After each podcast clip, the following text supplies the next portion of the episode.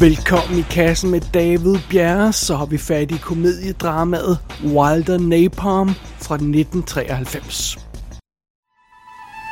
Wallace? Now when I'm in makeup! In makeup, I'm Biff. Badass Biff. Burning Biff. He's my brother, Rex. They know what you can do? Sure do. Ah, why? We're just one big old thermonuclear family, Wilder.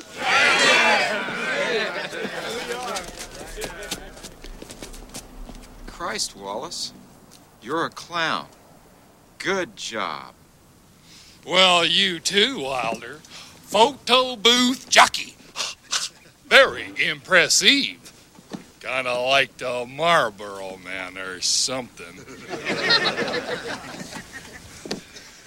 A nice rug, Wilder. Good look for you. Real hair never grew back, huh? I'm, uh, real sorry about that. Go drop your pants and chase a donut, you and your single helix friends. Hvad nu, hvis en person kunne starte ildebrænde bare med sine tanker? Og hvad nu, hvis den her person havde en bror med de samme evner? Og hvad nu, hvis de to brødre var uenige om deres evner? Den ene vil holde dem skjult for offentligheden, og den anden vil ligesom springe ud og afsløre de her evner for, for, øh, for alle. Øh, og, og hvad nu, hvis de to brødre så støder sammen over den uenighed? Jamen, øh, det lyder da som en rimelig cool historie, ikke? Det, øh, og det er i hvert fald den historie, som Wilder Napalm umiddelbart vil fortælle. Og, og det her, det er jo så endnu en af de her film, som jeg øhm, sådan med jævne mellemrum tager fat i, hvor jeg, hvor jeg simpelthen bliver nødt til at se den på et tidspunkt, fordi jeg bliver ved med at falde over den. Jeg har aldrig set Wilder Napalm, Napalm før jeg så den den her gang, men jeg bliver, jeg bliver simpelthen ved med at støde på den, når jeg sådan gennemkigger 90'er filmlister, og når man falder over Dennis Quaid, som er med i den, så dukker den selvfølgelig op, og det, det er sådan en film, jeg, jeg er faldet over så mange gange, at nu var det blevet nok, nu bliver jeg simpelthen nødt til at se den, og øh, det er så derfor, vi anmelder den nu. Alright, fair enough. Lad os kaste os over historien fra en ende af sådan, øh, og få det hele med, bare for en god ordens skyld. Vi starter med at møde den relativt stille fyr Wilder, der bor i en trailerpark og har et kedeligt job. Han arbejder sådan en kvikfotoautomat sådan midt på sådan en tom parkeringsplads foran et lukket indkøbscenter. Det er et rimelig sølle, sølle job. Øh, og oven i det, så er han heldigvis også øh, frivillig brandmand, så der er sådan lidt øh, spænding i hans liv der, trods alt. Og Wilder han er gift med den sprudlende, energiske Vida. Og øh, det er så lidt uheldigt, fordi hun har sådan lidt øh, pyromaniske tendenser, sådan fornemmer vi. Og øh, i øjeblikket så er hun få dage fra at afslutte en længere husarrest. Hun er simpelthen øh, med, med, med fodlænke for, for, øh, for benet og det hele, sådan elektronisk fodlænke for benet og sådan noget, og, og, øh, og det er altså fordi hun har lavet en ballade i forbindelse med noget ildebrand, og, og nu er hun tvunget til at være, være i husarrest, men, men det er altså ved at være slut snart. Og så ind i de her to personers liv, der brager Wilders bror Wallace, som han ikke har set i overvis. Wallace arbejder som klovn i sådan en omrejsende cirkus, men han drømmer om en større karriere på tv. Øh, og så er han i øvrigt ikke glad for, at Vida hun valgte at gifte sig med hans bror for fem år siden, fordi han var interesseret i hende også. Og så er det jo altså, at vi lige skal have fat i øh, den brandvarme kerne i den her historie, om man så må sige, fordi fidusen med de her to brødre, Wilder og Wallace, det er, at de kan starte ildebrænde med deres tanker. Og øh, Wilder, han har jo så simpelthen holdt lav profil med sine evner. Øh, Vita, hun ved godt, at han har dem og sådan noget, men, men han, har, han har ikke sådan øh, gjort stort væsen af sig selv. Øh, men øh, Wallace derimod, han bruger åbenbart de her øh, evner sådan lidt halvskjult i sit klovne show, men, men nu, øh, nu er fidusen simpelthen, at han er blevet træt af det, så han vil springe rigtig ud i offentligheden. Han vil simpelthen gå på Letterman show og vise, at han har de her Firestarter-evner. Så, øhm, og, og de, de, de to øhm, modsatte meninger om, hvordan de her to brødre, de behandler deres, øh, deres evner der, det er jo så altså det, der skaber en konfrontation mellem dem. Og midt i det hele, så har vi så altså den her øh, kone, øh, Vida, så, som er fanget med de her to brødre, og så... Øh, Og, og rundt omkring det her trækløver, der har vi altså en masse ildebrænde. Det er ligesom setupet her for Wilder Napalm. Og filmen her, den er instrueret af Glenn Gordon Caron. Han, ham kender man godt, man kender godt hans navn, fordi det er ham, der er creator på et par tv-serier, Øh, blandt andet sådan som Moonlighting, øh, Bruce Willis-serien, Medium, og øh, han er executive producer og showrunner på den serie, der hedder Bull, der kører i øjeblikket. Som instruktør har han lavet et, en håndfuld film, og så instrueret enkelte episoder af nogle af de her tv-serier, men han har lavet Clean and Sober i 88, han har lavet den her Wild and Napalm i 93, Love Affair i 94 og Picture Perfect i 97. Men ellers er det hovedsageligt som producer, øh, øh, Glenn Gordon Caron, han, han, øh, han er kendt som. Så, sådan er det. Men forfatteren på den her film, ham kender vi faktisk endnu bedre, tror jeg lige ved at våge påstå, fordi det er Vince Gilligan. Og det var altså ham, der, der skrev øh, 6, 29, tror jeg det var, af de øh, oprindelige øh, X-Files episoder. Øh, han skrev nogle af de bedste episoder i serien, og han skrev han nogle af de mest irriterende, nogle af de her dårlige komedieepisoder, øh, øh, som, som alle ører til Men, øh, men han skrev altså også nogle af de bedste. Derudover har Vince Gilligan jo skabt tv-serierne Breaking Bad og Better Call Saul. Så ja, ham, hans, navn, han, hans navn kender vi også nu efterhånden, og det er altså en af de, hans helt tidlige projekter, det her Wilder Napalm. I hovedrollen som broren Wilder, der har vi Arles Howard, og det er jo altså ham, de fleste nok husker fra The Lost World Jurassic Park, hvor han spillede den her usympatiske, øh, småkorrupte nye øh, ejer af det her engine firma, der vil ud og øh, have fat i øh, dinoerne på den her Site B. Det er ligesom ham, der er skurken i den film. Øh, og så ham, kan man muligvis også huske ham som Private Cowboy fra øh, Full Metal Jacket. Men ellers er det sådan en underlig små ting, som Arles Howard har lavet. Som Vida, der jo altså så er Wilders kone, der har vi Deborah Winger, og øh, hende har vi jo rent faktisk haft i kassen før i forbindelse med Legal Eagles og øh, Black Widow. Øh, hun lavede Terms of Endearment og An Officer and Gentleman før de to film, jeg lige nævnte her. Og efter de to film, der lavede hun sådan noget som The Sheltering Sky, Shadowlands, Forget Paris og så også denne her. Så det er det. Og så laver hun, har hun for nylig lavet tv-serien The Ranch, som jeg ikke har set et eneste sekund af. Som øh, Wallace, der altså er den lidt mere suspekte bror der, der har vi Dennis Quaid, og øh, han er jo så, så øh, forbi øh, sin, sin storhedstid i, i 80'erne, tror jeg roligt, vi kan konstatere. Han lavede jo Dreamscape, Enemy Mine, Inner Space, som vi har haft i kassen her. Han var med i Suspect i 87, Great Balls of Fire i 89, og øh, ja, så, så, så, så laver han lidt knap så, så, så fede film i 90'erne. Men okay, der dukker også nogle, nogle, nogle sjove uh, Dennis Quaid-film op i 90'erne her og der. Men uh, ellers husker vi om selvfølgelig en nyere tid fra, fra The Day After Tomorrow og uh, Footloose remaket er han jo også med i. Der spiller han den onde Preacher, så det er meget sjovt. Ellers er der ikke så vanvittigt mange andre kendte folk på rollelisten her, men jeg synes bare lige at nævne, at det er M. Emmett Walsh, der spiller øh, brandchefen for den her enhed, som, øh, som, som Wilder han er, han er frivillig brandmand for, og, og ja, det er jo så ham, de fleste nok husker som Bryant i øh, Blade Runner. Og så spiller øh, James, øh, Jim Varney, han spiller Rex, der er, øh, hvad hedder det, Dennis Quaid-karakterens højre hånd den her, i det her cirkus. Og Jim Varney og ham, de fleste kender fra Ernest-filmen, altså Ernest Rides Again, og Ernest Scared Stupid, og Ernest Goes to Jail, og to Camp, og hvor han elsker hen, det, det, er, det er Jim Varney. Sådan er det. Øh, mere detaljer vil jeg ikke gå med rollelisten her i filmen. Lad os øh, kaste os over selve anmeldelsen af Wilder Napalm. I came here to tell you that I'm going public. I'm gonna flame some stuff on the David Letterman show. What?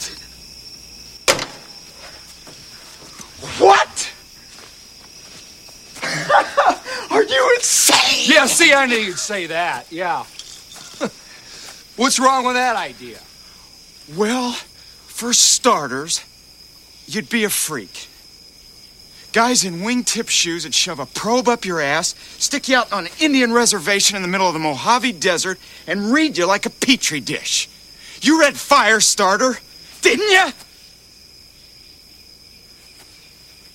The very least, they'll try to link you to every fire going up the East Coast all the way back to Horace Braintree's clubhouse. Oh, here we go with Horace Braintree's Oh, clubhouse. What? everyone- We were little kids. Nobody cares anymore. Not even Horace freaking Braintree, who last time I heard has an ex-cheerleader wife, his own Buick dealership, and a bunch of chubby little kids. He takes off to karate class every Saturday.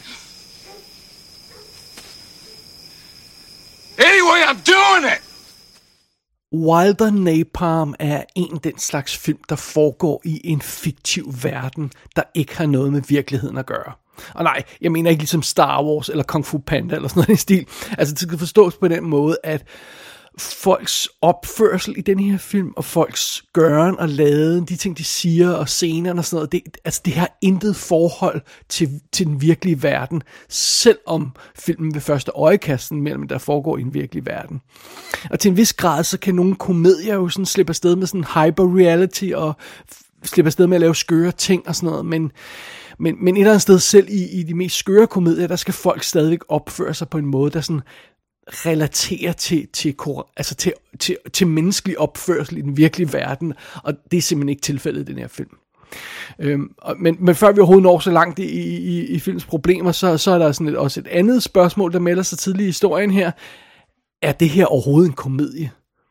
Altså fordi, ja, nu kalder jeg det godt nok en dramakomedie, og, og, og, og Wilder Napalm opfører sig som en komedie, men den indeholder en lang række ting, der ikke er spor sjove. Altså selve kernen i historien er jo egentlig rimelig grum. Altså to brødre, der kan tænde ild med tankernes kraft. Det, det er svært at se det sjove i det, sådan alt andet lige. Der er blandt andet øh, i løbet af filmen, er der flashback til de to brødres barndom, hvor vi ser, at de brænder en vens hus af. Eller det er vist nok et lejehus eller sådan noget i stil der. Øh, uden at indse, at der er en person inde i huset. Og, og, og efterfølgende så bliver det simpelthen slæbt sådan et forkullet liv ud af det her vrag af et hus, der, øh, når brandmændene har slukket ilden det er sådan nogle scener, der er med i den her film. Det bliver også afsløret senere, at Wilder han bærer en paryk, fordi øh, når han tager, tager den paryk af, så kan man altså se, at he, hele hans hovedbund er et stort ar. Og det er simpelthen fordi Wallace, hans bror, brændte hans hår af en gang som en joke, og det, det så har lavet så meget skade, at der ikke er vokset hår tilbage. Det, det, sådan, er der, sådan en scene er der også i filmen her. Øh, og der er også en anden en del af historien, der heller ikke er spor sjov, det er kampen om Wilders kone, øh, som Wallace jo altså gerne vil have fingrene i, og, og andre kropsdele i. Og, og på trods af de her ting, så forsøger Wilder Napalmsen at holde en frisk, let tone, men øh, altså sådan, åh, man skal ikke gå så meget op i det der med at tænde ild og utroskab og sådan noget. Gør, se, der er en sjov klovn her. Har vi det ikke sjovt alle sammen? Øh, nej, altså, jeg, jeg synes ikke, der er nogen vej udenom. Wilder Napalm lever i sådan en underlig fantasiverden, øhm, uvidende om, at den præsenterer os for en lang række virkelig problematiske idéer. Og en af de mest grundlæggende problematiske idéer i den her film, det er opstillingen af de her to hovedkarakterer. Altså Wilder er den stille, pæne, ansvarlige fyr, der ikke vil bruge de her superhelteevner, det er basically til, til noget som helst. Og så er Wallace et modbydeligt svin, der er røv ligeglad med, hvor mange folk han skader. Om det så er fysiske skader med sin ildpåsættelser, eller om det er psykiske skader med sin opførsel. Han er, han er, han er kold i røven. Og hvad er så den her films postulat? Jamen det er så, at den, den stille Wilder, han er en pussy og en vatpig, og Val, øh, øh, Wallace er den rigtige mand, fordi han, han bruger sine evner og gør, øh, gør seje ting. Øh, og den eneste måde Wilder han så kan blive en rigtig mand på, det er, hvis han opfører sig lige så ubetænksomt og hensynsløst som sin bror. altså, det er problematisk for en film at kaste så i sådan en historie, det er det altså.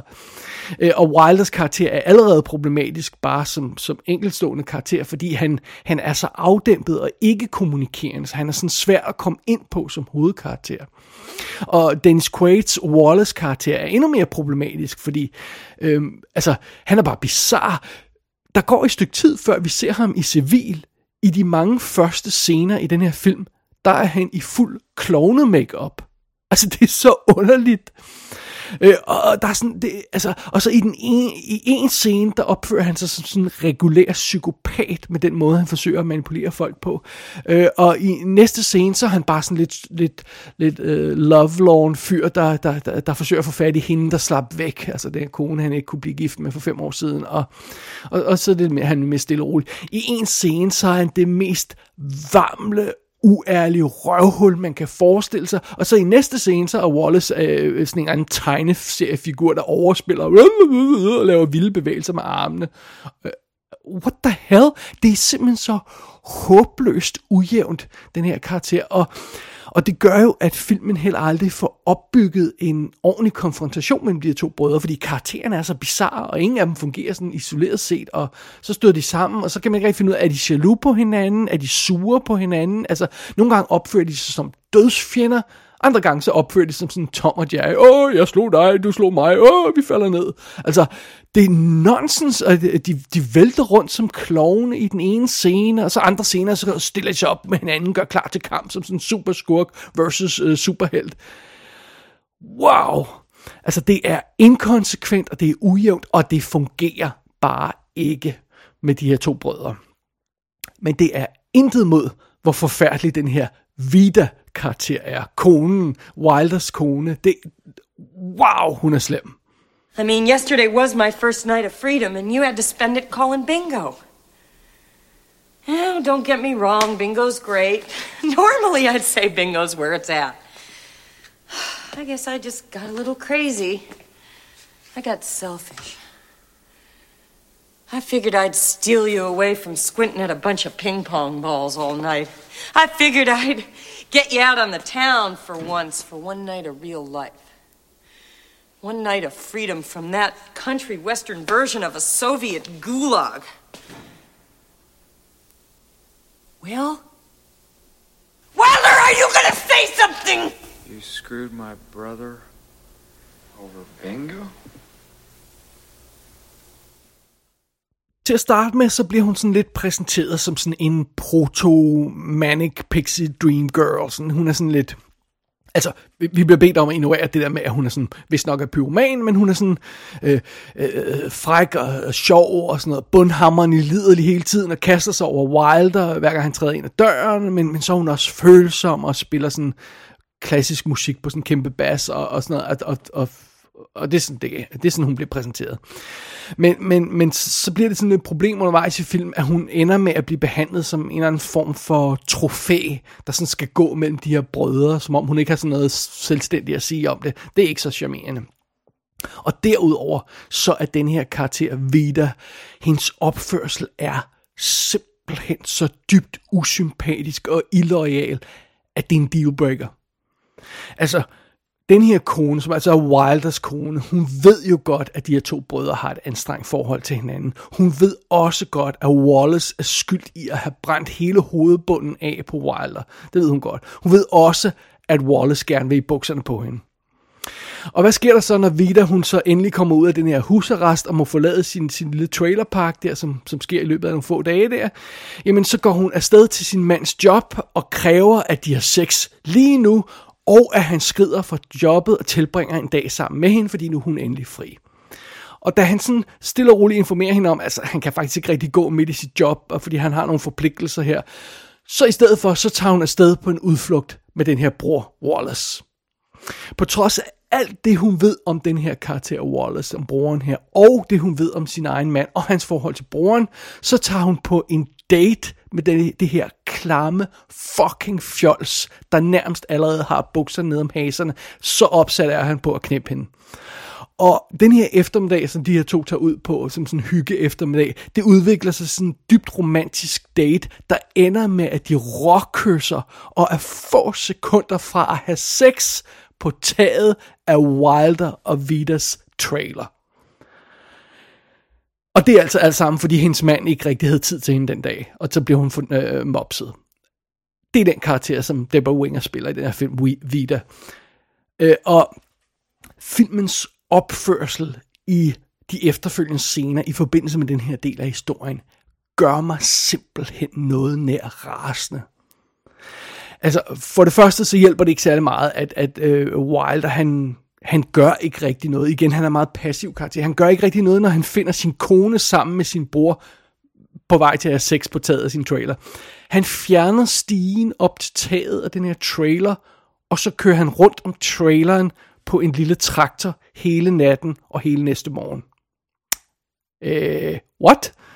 Øh, og, og så hele natten og morgenen, så sidder Wallace, øh, broren Wallace der, og konen Vita, de sidder på taget af den her trailer og kigger på, på Wilder, der kører rundt med den her trailer omkring den.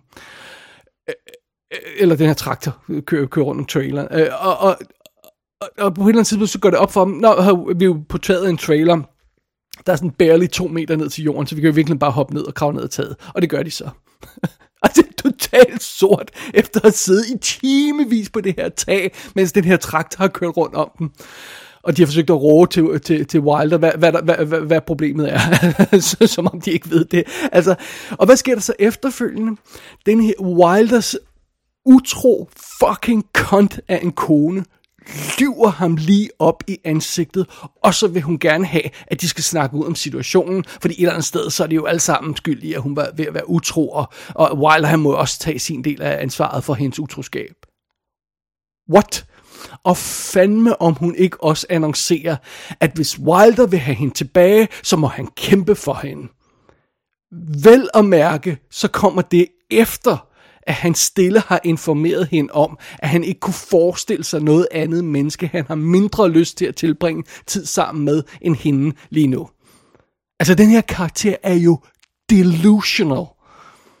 Øh, og, og Wilders reaktion på den her kones utroskab er så fjern fra virkeligheden, at jeg simpelthen ikke har ord for det. Og hendes opførsel er så usympatisk, at den er utilgivelig.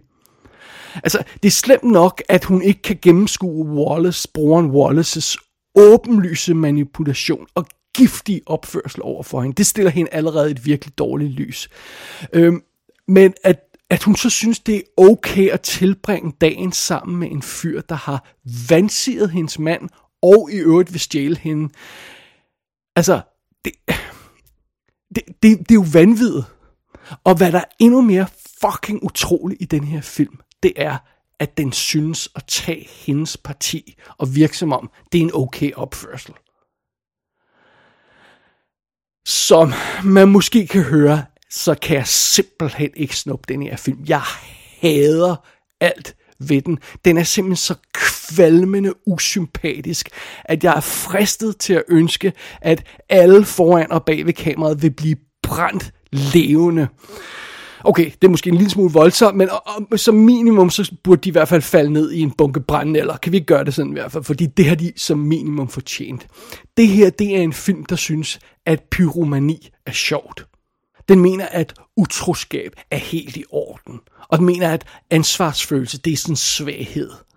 Øh, filmen er, øh, udover det, er proppet med sådan lavpraktiske ulogiske ting og manuskriptmæssige krumspring, der også bare er vanvittigt frustrerende. Altså, øh, det er alt for sådan noget som, at en brandmand, han går sådan balancegang op på taget af et brændende hus for at slukke ilden i samme hus. Altså, der er ild under fødderne på ham nærmest. Det er bare sådan noget, det er jo nonsens.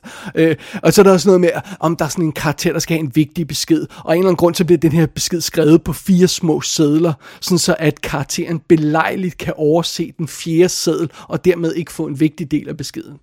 Altså det er sådan noget, som den her film også byder på.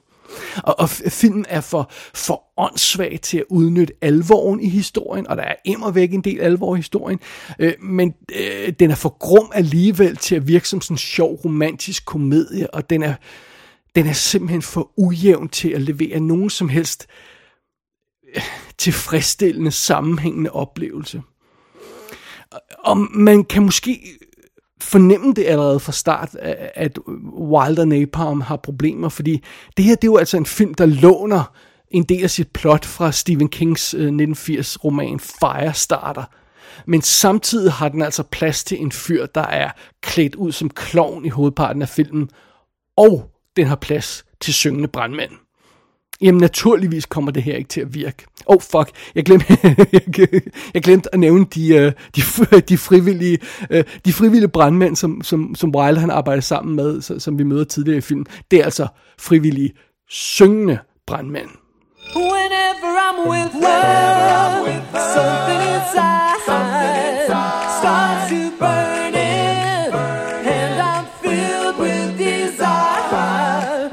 Kan man forestille sig noget mere passende til den her øretæv-indbydende film end Syngende Brandmænd? Nej, vel?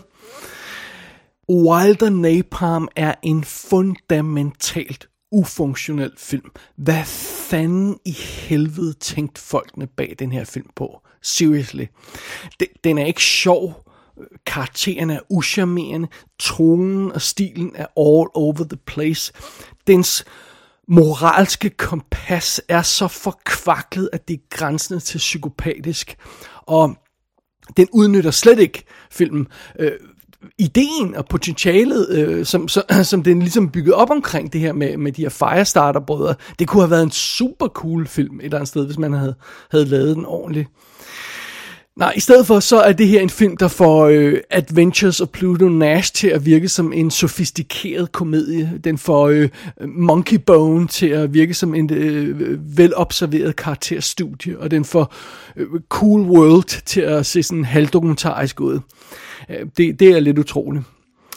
Wilder Napalm er øh, måske nok den mest usympatiske, utilfredsstillende film, jeg længe har set.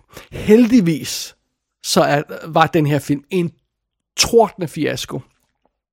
Man prøvede at, man startede en sådan limited release, og så sker der jo nogle gange det med limited releases, at de aldrig bliver wide releases, fordi de simpelthen går så dårligt. Og den her film, den indtjente blot 85 1000 dollars ved box office i USA i 1993, og øh, så forsvandt den uden et spor.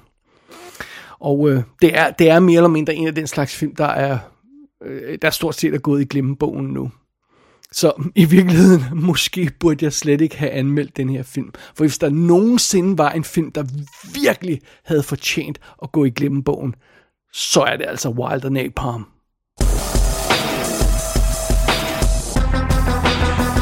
Wilder Napalm er ude på udgået amerikansk DVD, men måske kan man grave dem frem i en rodekasse. Der er også en HD-version tilgængelig på diverse VOD-tjenester. Gå ind på ikassenshow.dk for at se billeder fra filmen. Der kan du også abonnere på dette show og sende en besked til undertegnet. Du har lyttet til I Kassen med David Bjerre.